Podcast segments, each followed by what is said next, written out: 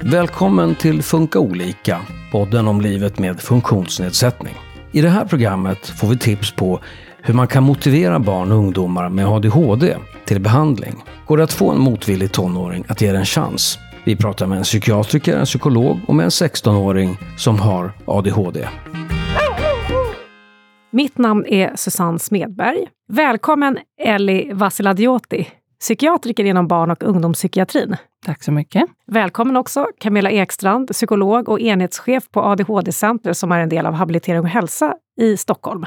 Tack. Ni är också själva barn med neuropsykiatrisk funktionsnedsättning och ett av dem kommer vi få höra lite senare i programmet. Men vi börjar med er. Ni föreläser ju tillsammans för föräldrar om hur man kan motivera barn och unga till behandling, bland annat läkemedelsbehandling. Camilla, vad kan det mer handla om för typ av behandling man ska motivera dem till? Så anledningen till att vi började med den här föreläsningen var för att eh, vi fick mycket frågor överhuvudtaget om hur kan man motivera barn? Eh, barn som har ADHD har ofta svårare att bli motiverade till olika saker, såsom till exempel att komma till oss på ADHD-center på kurser, men också till läkemedelsbehandling. Varför har de här barnen svårare med motivationen då? Många beskriver det som att det är svårare att se en helhetsbild över saker och ting. Man är väldigt mycket här och nu. Eh, man lever liksom för stunden. Och att tänka sig någonting som kommer bli bra för mig om ett år, att jag måste göra det där tråkiga, jobbiga nu, det kan vara väldigt jobbigt. Och eh, det här med motivation, är det också avgörande för att de ska göra någonting? Alltså genomgå en behandling till exempel?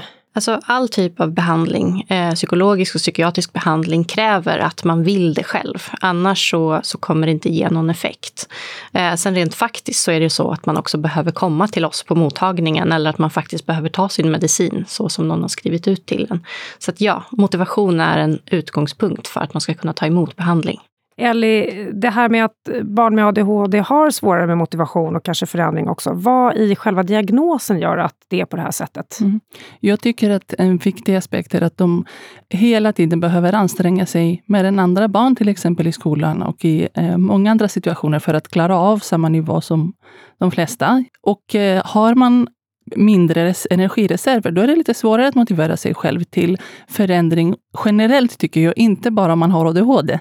Men när man har ADHD behöver man oftast lite extra hjälp med igångsättning, byte eh, eller övergångar och eh, också att hålla sig kvar till någonting även när det blir motigt.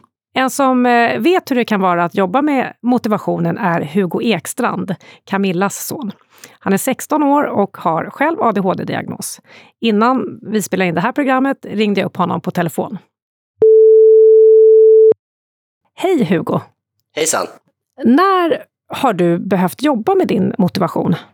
Alltså, i skolan har jag haft eh, stora svårigheter länge där det har varit det känns svårt att liksom, motivera mig själv eh, till att göra olika uppgifter. Läxor framför allt har varit en stor eh, svårighet för mig. Att liksom, när man kommer hem från skolan och sätter igång.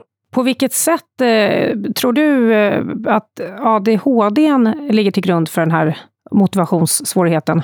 Ja, alltså, jag märker en väldigt stor skillnad på mig när jag har medicin och inte har medicin till exempel.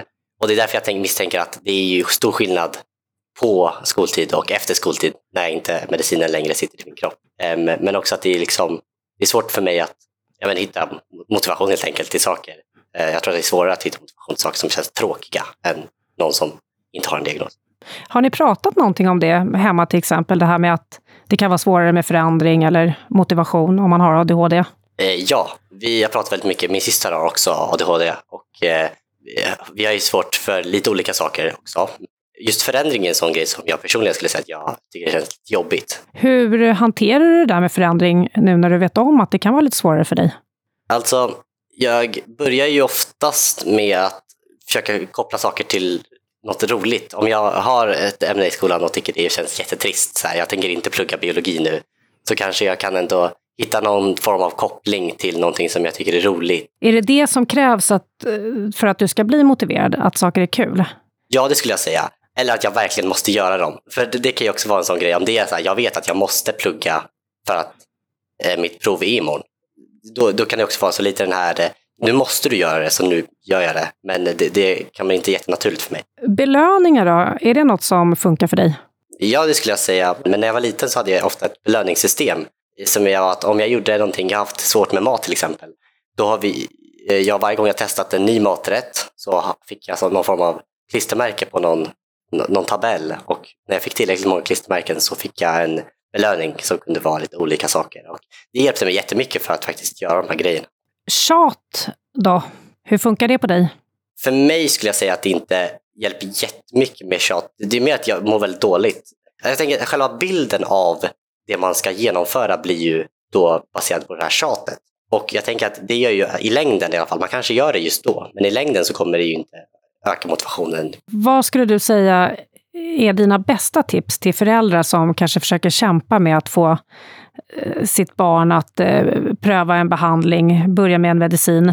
Ja, alltså, jag har ju alltid haft det sedan jag var liten ganska mycket, att eh, man pratar om ADHD och att det är ingen, sån grej, det är ingen stor grej med det, utan att man, man har svårt för vissa saker och att man behöver få liksom lite extra hjälp. Så att för mig har det känts naturligt. Men jag har ju en syster till exempel med ADHD och jag har andra, liksom, andra saker i min miljö som gör att jag har en större chans att få information om det. Och jag tänker att om man inte har det från början så är det viktigt som förälder tänker jag vara påläst om saker, att man själv visar ett intresse för det. Också hjälper till på vägen och är, är en del av det. Ja, det skulle jag säga är det absolut bästa tipset. Som förälder då, vad ska de jobba med? Hot, tjat eller mutor? um, jag skulle säga att hot är, det skulle jag vilja utesluta helt för att eh, då, då, blir det ju den här, jag tänker att om man ska lyckas med någonting på sikt, då måste man ha en, ändra sin inställning och känslan kring den här saken. Så måste man ha, man måste ha en, få en bra känsla kring det. Och hot kommer då aldrig skapa den känslan som är positiv. Tjat, tänker jag, i, i stundtals kan ju vara, liksom, det, det, det krävs. Liksom, för att eh, ibland kan det vara jobbigt. Det, det, är väl lite det här också med, nu är det dagen innan provet, du har inte gjort någon, pluggat någonting. Nu måste du plugga. Så tjat tänker jag kan man göra. Vad var det sista? Mutor var det sista va? Mm. Ja, mutor, hmm. mutor i form av belöning kan ju vara bra. Eh, jag skulle säga att den är nog bäst på det sättet att man får bäst känsla kring den saken. Du, om du vet att du får godis efter att du har pluggat så kommer det nog kännas roligast att plugga än om du fick veta att du kommer inte få äta godis på ett år om du inte pluggar. Men samtidigt får det inte handla för mycket om mutan. Um, så att man måste ändå försöka bygga någonting kring det, eh, något positivt som inte bara handlar om mutan också, eller belöningen, som också handlar om att eh, det kan vara kul att göra. Så då får man försöka göra själva aktiviteten roligare. Då säger jag stort tack till dig, Hugo Ekstrand, för att du ville vara med och berätta lite hur det har funkat för dig med motivation. Tack själv. Mm, vad tänker ni när ni hör Hugo? Vad säger du Camilla, din son? Ja, han talar ju som en sann psykolog. Nej, men han säger väl egentligen Eh, det som jag tror att många skulle säga, det vill säga att eh, det här hotet, den finns liksom bara i stunden. Den kommer att göra en negativ känsla, men hotet funkar bara så länge hotet finns. Eh, det vill säga, ska man hålla på att hota sina barn till att vilja saker så kommer man behöva stå där hela tiden och hålla kvar hotet och det kommer att försämra relationen. Eh, ska man tjata så kommer man också behöva stå där hela tiden och tjata. Det kanske inte kommer skada lika mycket, men det kommer kräva att man är närvarande konstant. Och det kanske också kommer skada relationen en del. Så egentligen det enda som funkar är att försöka skapa en positiv känsla kring olika grejer. Och också en känsla kring varför gör vi det här? Vad är viktigt för just mig i det här? Sen är det en viktig sak som Hugo sa, att en väldigt viktig sak som man måste motivera sig eh, själv varje dag man har ADHD är eh, hur att få vardagen att fungera. Sunda vanor, men också plugget, eh, jobbet eller vad man har en som sysselsättning. Och ibland eh, när man är eh, väldigt eh, trött, stressad eller kanske bara kämpar för att ha näsan över vattenytan. Det kan vara lite svårt att testa något nytt. Hur gör man då för att motivera barn? Nu är Hugo lite äldre, men jag tänker med yngre barn. Det här med att prata om sammanhanget och förstå varför man ska till exempel vilja gå och träffa någon av oss Eh, vi jobbar ju med, med barn och ungdomar. Eh, alla kommer inte automatiskt vilja komma till oss, vilja ha hjälp. Så att prata om varför man vill ta emot hjälp, vad det kan ge på lång sikt, vad det kan ge just nu. Men också kanske ge egna exempel på hur man själv tar emot hjälp och hur andra barn har blivit hjälpta. Att lyssna på andra som har fått hjälp, till exempel lyssna på det här programmet tillsammans och fundera över, finns det något som jag skulle kunna få hjälp av? Och att prata med barnet tänker jag om att man ska prova det här och så får man se hur det blir. Att, det, att man inte satsar eh, väldigt hårt på bara ah, det här kommer vara lösningen på allt, för det bäddar till besvikelse eventuellt på sikt. Så det är viktigt att visa också en eh, flexibilitet eh, kring det här. Och eh, jag tänker en viktig sak också är att visa respekt för den processen som pågår hos barnet, som har sina egna tankar, sina egna farhågor, massa saker som pågår i livet. Och man behöver lyssna till sitt barn. Var befinner sig det? De är kanske ibland mer motiverade än vi tror. undrar lite det, föräldrarnas roll här. Jag tänker ett barn som har svårt att motivera sig att göra olika saker kan ju säkert stressa, vara frustrerande. Hur ska man liksom hantera det som förälder? Jag tänker att som förälder behöver man först och främst hjälpa runt omkring så att det finns tillräckligt mycket med avlastning runt omkring så gott det går, så att barnet har energireserver. Att överhuvudtaget ägna tid och energi och fokus åt det här. Också att ta hand om sig själv och sin psykiska hälsa och tålamod och avlastning för att själv orka bära den delen av barnets motivation som barnet inte kan själv mobilisera. De två delarna tycker jag är väldigt viktiga. Kan man på något sätt använda sig av de här ADHD-specifika bitarna? Alltså jag tänker, Hugo var inne lite på belöningar och sådär. Vad säger du Camilla? Ja, någonting som ger väldigt mycket information är ju att undersöka när har barnet motivation då? Eh, vi träffar ju massa barn som eh, blir eh, liksom benämnda som att de aldrig är motiverade. Men det är inte sant, för de kanske kan sitta åtta timmar framför sitt tv-spel. De kanske kan spela musik hur länge som helst. Eh, så det är ju intressant att se när är de motiverade och finns det någonting i det här som man kan använda sig av. Eh, någon som till exempel klarar av att levla i Fortnite eh, kväll efter kväll, spela så många timmar, skulle kanske kunna tänka själv tillsammans med sin förälder också. Hur kan vi använda den här motivationen som jag känner i spelet till andra saker? Kan man bygga verkligheten mer lik ett spel? Då kanske jag kan motivera mig till saker som känns jättesvåra. Kan du ge något exempel på om du har träffat någon där de har gjort på det sättet och det har funkat? Eh, det jag jobbade med mycket som psykolog eh, var att försöka koppla barns intressen till det vi jobbade med. Så till exempel så har jag haft en behandling som har handlat om att testa olika muffins. För det var det som det här barnet var intresserad av, skriva recensioner av olika kaféer som sålde muffins. Eh, det vi egentligen gjorde var en social färdighetsträningsbehandling där vi exponerade för olika miljöer som kändes bullriga och jobbiga. Men eh, det var ju kul och det märktes nästan inte att vi höll på med en behandling. Så jag brukar tänka, och jag brukar också lära ut när jag undervisar psykologstudenter till exempel, att man får aldrig ha tråkigt när man träffar ett barn. Utan det måste vara en rolig behandling, annars så är det fel. Men det kan man ju tänka med vuxna också. Sen tänker jag att det är jätteviktigt att hjälpa barnen måla en, eh, en bild. Hur ska det vara när det här, om det här hjälper? Vad vill vi åstadkomma? Hur ska det vara? Och då är det viktigt att man har eh, gemensamt mål. Jag satt och funderade på vägen hit att om jag skulle till exempel gå till en frisör och skulle klippa mig och prova en ny frisyr och de har sin målbild, jag har min. Hur blir det? Jag tycker att det är väldigt viktigt att man är tydlig också som förälder. Det här skulle jag önska och det här ser jag att du behöver. Vad tycker du? Och respektera att barnet kanske har en annan bild om det blir det här liksom totalt låsta läget, då, hur kan man göra då? Jag tänker, det här har hänt många gånger när det gäller läkemedelsbehandling. Och eh, jag tycker att då är det väldigt viktigt att medicinen till exempel och behandlingen, det ska inte vara arena för konflikter. Ibland konflikter uppfyller en funktion som, eh, vad ska man säga, att det händer någonting. Så det är inte kul, men det, det händer någonting och då är det mindre tråkigt. Och man, man kan bråka om massa andra saker. Eh, men inte om behandling. Backa från den konflikten, eh, försök göra något annat, bygga på relationen. Positiv relation, avlastning, stressreduktion för barnet är det som är de tre viktigaste eh, pusselbitarna tycker jag. Och vänta in. Det enda som är bra att alltid tänka på är att mognaden kommer förr eller senare. Hur mycket ska man vara beredd att förhandla med barnet då? Jag skulle inte förhandla. Jag skulle snarare säga, okej, okay, det här är ju jättesvårt för dig som det som vi pratar om att du ska göra. Så jag kan tänka mig att göra en motprestation. Du kan utmana mig i någonting som jag har svårt med. Eh, om jag tränar på det här samtidigt så kan du träna på din grej. och sen så får du coacha mig och jag coachar dig. Så har jag gjort med många behandlingar.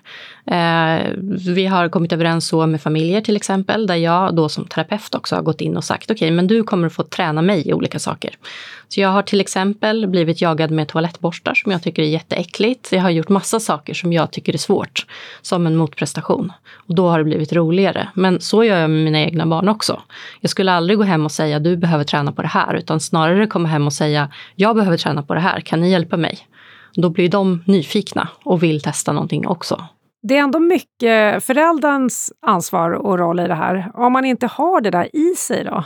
Det är svårt och det är det som är också en träning. Att barnen kan inte tänka flexibelt bara av sig själva, att de är födda med den eh, förmågan. Man behöver träna upp det, man behöver, mognaden hjälper, men man behöver ha en modell som visar vägen. Och då är det något som föräldrar behöver träna, att tänka flexibelt och att börja uttrycka sig, tycker jag, på ett mer flexibelt sätt.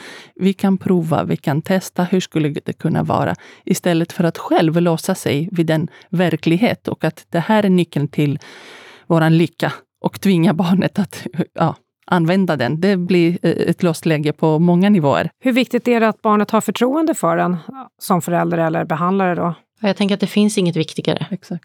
Alltså det är ju viktigare än om vi kommer i mål med en behandling eller om man kommer i tid varje gång eller så. Att jag visar att jag är någon som man kan lita på. Och att man också kan komma till mig om man behöver fråga om råd eller hjälp eller också säga det där gick inte bra eller jag är rädd eller så. Så att den går alltid före tänker jag för mig, både som förälder och som behandlare. Det här med självförtroende hos barnen, hur påverkar det viljan till förändring eller motivation att prova något? Ja, jag tänker så här, om man har lyckats ge sitt barn den känslan av att man är bra som man är, om man hela tiden fokuserar på det som fungerar, och man förstärker när någonting går bra, eh, då kommer man förmodligen få en stor output senare i form av att man har ett barn som inte känner sig dålig hela tiden, inte tänker att ADHD är någonting dåligt. Så om man ska satsa på det framför det här med att genomföra förändringar så kommer man kanske få lättare att genomföra förändringar för då kommer man ha ett barn som mer litar på att det funkar för mig. Eller det kanske inte alls går, men då har jag i alla fall testat. Eh, så att det här med att fokusera på det som fungerar, ha roligt ihop och också kanske leka det här mer. Ja, nu, nu får du testa mig. Jag vill utvecklas på det här sättet. Det kommer nog att göra att barnet har starkt självförtroende. Och ett sätt att eh, stärka dem i en process är också att verkligen lyssna på eh, när de eh, uttrycker missnöje eller farhågor eller så. Det betyder inte att man ska ändra hela riktningen på en behandling för att de uttrycker en farhåga eller oro. Men att lyssna, ge respons, rama in och finnas där så att de vet att om det här inte blir som jag hoppas på, jag kan luta mig på den här vuxna personen. Och det här att eh, få barn att förstå att någonting kan bli bra på lång sikt, men det kanske inte blir det direkt. Hur kan man jobba med det? Jag brukar rita upp det som ett spel. Det är ju många som ändå gillar spelanalogin. Om man tänker sig ett brädspel eller vad det nu är för eh, spel som man spelar. Det kan ju också vara ett tv-spel som är lite likt det här med att man tar olika levlar, att man försöker på olika sätt komma närmare sitt mål. Att det finns delmål som man kan sträva efter. Man kanske ritar upp en behandling med alla de gånger som man ska komma till terapeuten eller till sin läkare. Eh, man kanske får kryssa för varje gång. Eh, man samlar poäng när man är på väg ditåt. Precis så som Hugo beskrev i klippet så kan man ju tänka sig att man, man kommer närmare och närmare ett mål. Eh, och eh, det är ju många som gillar belöningssystem. Sen kan det vara svårt att hålla det på lång sikt. Men om man bygger utifrån en behandling som kanske är 16 gånger eller att man ska gå några gånger till sin läkare så kanske det är lättare att hålla uppe motivationen. När är det läge att fasa ut det här med belöningar? Jag tror att man behöver belöningar hela livet. Jag tror att vi alla vuxna behöver belöningar hela tiden. Eh, jag behöver kunna se fram emot min kopp kaffe. Om jag jobbar lite extra nu på förmiddagen så får jag fika med mina kollegor på eh, runt tio. Det motiverar mig till att jobba de första timmarna. Jag tror att eh, det är ju någonting som man behöver lära sig som barn. Att motivera sig med belöningar som är rimliga. Eh, mer och mer kopplade till sociala belöningar. Det vill säga man kommer inte hela tiden kunna betala stora pengar eller äta massa godis.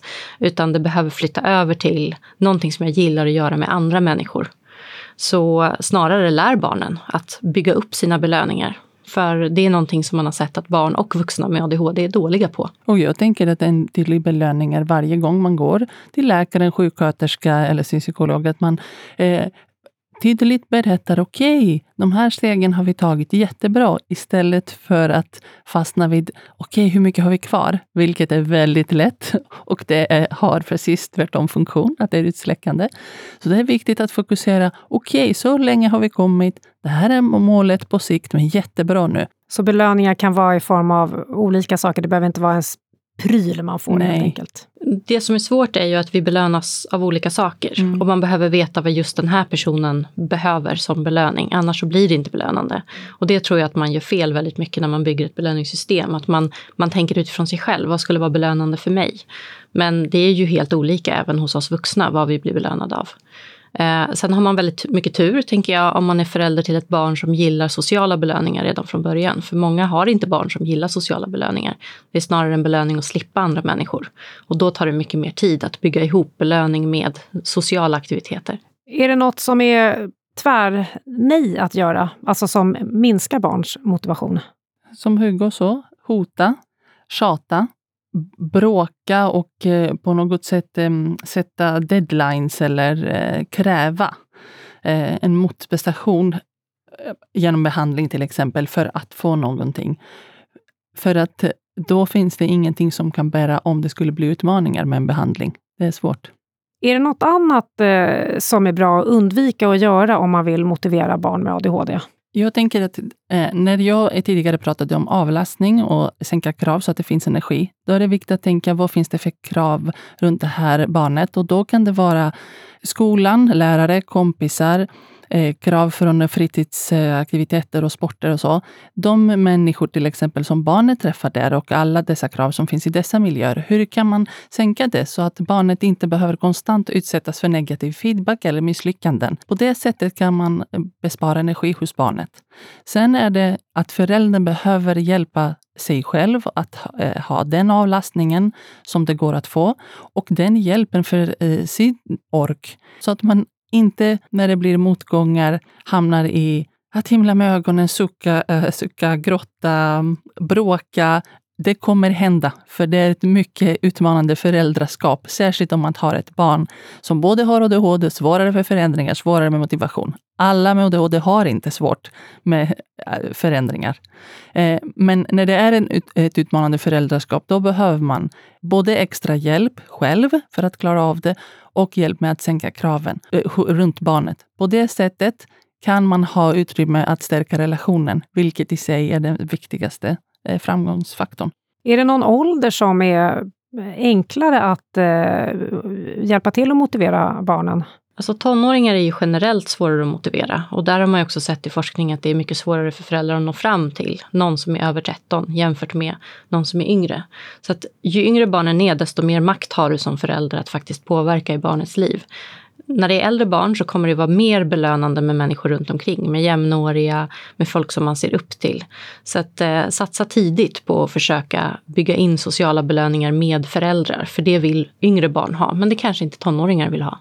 Sen är det också så att äldre tonåringar har, hunna, har hunnit mogna till och då är det lite lättare att resonera med dem och göra en planering och med ett stöd hjälpa dem att eh, upprätthålla det som behövs för att eh, komma till mål.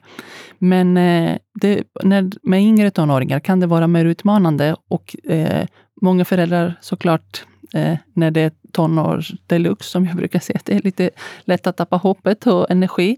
Men det är det som är viktigt, att inte ge upp. Det här med upprätthållande då. Mm. Hur eh, kan eh, barnet bli självständigt i det? Jag tänker att det är viktigt som förälder att från början eh, inse en sak. Det kommer gå upp och ner i livet. Både motivationen, hur lätt livet är. Det gäller oss alla. Det blir mycket oftare och kanske större förändringar med hur mycket upp och ner det blir för ett barn med ADHD. Att de har en nerperiod betyder inte att man är på ruta ett. Och jag tänker, eh, barnen brukar så småningom vilja ta över självständighet och klara av saker. Och de gör det. Men som förälder behöver man finnas still och fånga de bollarna som tappas för att hjälpa dem tillbaka eh, om det blir lite sämre. under en period och sen vara beredd att släppa dem. För sitter man där som en eh, hök och tjatar och håller på, det är väldigt icke-bekräftande för ett barn som visar att de har mognat till och de försöker. Då är det viktigt att man visar att jag förstår det som förälder och backa. Det kan också vara bra att tänka utifrån energi. Eh, om någonting backar så kan det vara för att det tar för mycket energi. Och vissa saker som man tränar under en period kan ju faktiskt gå bakåt. Eh, om man till exempel plockar bort ett belöningssystem. Barnet har lärt sig borsta tänderna själv, men plötsligt så faller det tillbaka. Då kan man börja fundera över, ska vi kartlägga hur energinivåerna ser ut? Är det så att man kanske har en skolsituation som är väldigt jobbig, som tar mycket energi, som gör att det där som var lätt för en månad sedan inte längre är det? Eller är det någonting annat som gör att man helt enkelt behöver fylla på med energi innan man borstar tänderna till exempel, för att sen orka göra det där? Så man kan tänka att funkar inte rutiner så kan det ofta ha med energi att göra. Kan man använda sig av eh, kognitivt stöd? Absolut. Man kan ju tänka sig att man bygger in olika typer av tidshjälpmedel, till exempel i rutiner. Eh, det kanske inte kommer vara motiverande i sig, så det kan ju vara så att man behöver både använda sig av det kognitiva stödet och ha någonting litet att se fram emot när man är klar. Så ett exempel skulle kunna vara för den som har svårt att, att eh, hålla ut med att duscha till exempel. Att när man har gjort det där, man har liksom tittat på sin klocka, eh, man har sett det i en mängd tid när man ska vara klar och sen vet man att när det är färdigt, när jag är klar med det här tråkiga, då har vi någonting roligt efteråt. Vi ska spela ett spel eller eh, göra någonting kul tillsammans. Ni har ju pratat om hur man motiverar eh, barn, eh, men är det några framgångsfaktorer som ni liksom vill lyfta fram lite extra? Jag tänker att det som är väldigt speciellt med barn med ADHD, eh, det finns hos andra barn också, men extra mycket hos barn med ADHD, det är att man inte gillar att någon talar om för en hur man ska göra. Det här med makt som en vuxen har över ett barn. Eh, man kan inte riktigt tänka så som vuxen och det är många som säger det när de kommer till exempel på våra kurser på ADHD-center att, att kanske syskonet är någon som lyssnar när den vuxna säger till medan barnet med ADHD reagerar inte så. Man kanske reagerar argt istället för att någon ska bestämma över mig. Så att så mycket som möjligt tänka, jag är din eh, assistent du styr, jag följer. Vad är viktigt för dig? Vart ska vi någonstans? Då behöver man inte ha lika mycket bråk. Då kanske man inte heller hamnar där man riktigt skulle velat själv som förälder. Man kommer troligtvis längre än om det blir en maktkamp, för den kommer man alltid förlora. Har du några tips då på hur man kan inta det förhållningssättet som förälder? Jag tror att, att det kan eh, falla en mer eller mindre naturligt att ge ifrån sig makt. Och jag tror att eh, som psykolog har jag tränat väldigt mycket på att inte gå in i maktkamp. Men eh, det är någonting som vi övar mycket med föräldrar, till exempel på en fördjupningskurs som heter Bevara sitt lugn. Eh, där många föräldrar kommer eh, och ber om hjälp för att de hamnar helt enkelt i hotfulla situationer med sitt barn. Det liksom trappas upp. Man sätter en gräns Eh, barnet skriker tillbaka, man försöker liksom återta makten som förälder och så bara trappas det upp till slut så slåss man. Och där istället att liksom backa, ta ett steg tillbaka, slappna av i kroppen, eh, sänka rösten. Alltså alla de sakerna som gör att man inte längre ses som hotfull, inte titta i ögonen på det sättet, gör att det inte blir samma typ av maktkamp. Man kanske låter det gå 90 sekunder så att den andra får lugna ner sig och sen kan man prata. Eh, det tror jag jättemycket på. Men det låter som att det är viktigt att föräldrarna själv får stöd i det här. Ja, man, som förälder kan man ju önska att det är barnet som skulle ändra sig. Det kommer tyvärr inte att hända, så det är därför vi vet utifrån forskning att vi måste rikta oss till föräldrar i första hand. Ju äldre barnen blir, desto mer kommer vi behöva rikta oss till dem. Men vi vet också att föräldrar kan påverka sina barn väldigt, väldigt mycket när de är yngre. Och därför behöver man börja jobba med sitt eget beteende. Och eh, slutligen då, vad kan man få det här stödet som förälder då? då? ADHD-center till exempel, där vi har eh, kurser och grupper hela tiden för framförallt föräldrar, men också mor och farföräldrar, andra runt ett barn, men också barn och tonåringar själva. Men sen kan man eh, via kommunen, det finns föräldrautgivning, eh, eh, och eh, via barn och ungdomspsykiatri eh, och även på första, eh, via första linjen. Men det som är viktigt att tänka, eh, tycker jag, är att barn med ADHD har liknande svårigheter som eh, andra barn också kan uppvisa. Men jag menar till exempel med motivation eller det här med bråk, men det blir ännu ehm, vad ska man säga, svårare bråk till exempel, svårare med eh, föräldraauktoritet och så vidare. Och varför det här är viktigt, det är de strategierna som familjen, som föräldrarna kan få för sitt barn med ADHD, det kommer bli en lugnare eh, familj, ett lugnare klimat och bättre samarbete mellan alla i familjen. Då säger jag stort tack till dig, Eli Vassiladjoti, psykiatriker inom barn och ungdomspsykiatrin. Stort tack till dig också, Camilla Ekstrand, psykolog och enhetschef på ADHD-center som är en del av Habilitering och hälsa i Region Stockholm. Du har lyssnat på Funka olika, en podd från Habilitering och hälsa som är en del av Region Stockholm. I nästa avsnitt träffar vi bloggaren Supermamsen och pratar om hur hon hittar ork i vardagen. Hon är förälder till tre barn med neuropsykiatrisk funktionsnedsättning som i långa perioder inte gått i skolan. Vi hörs då!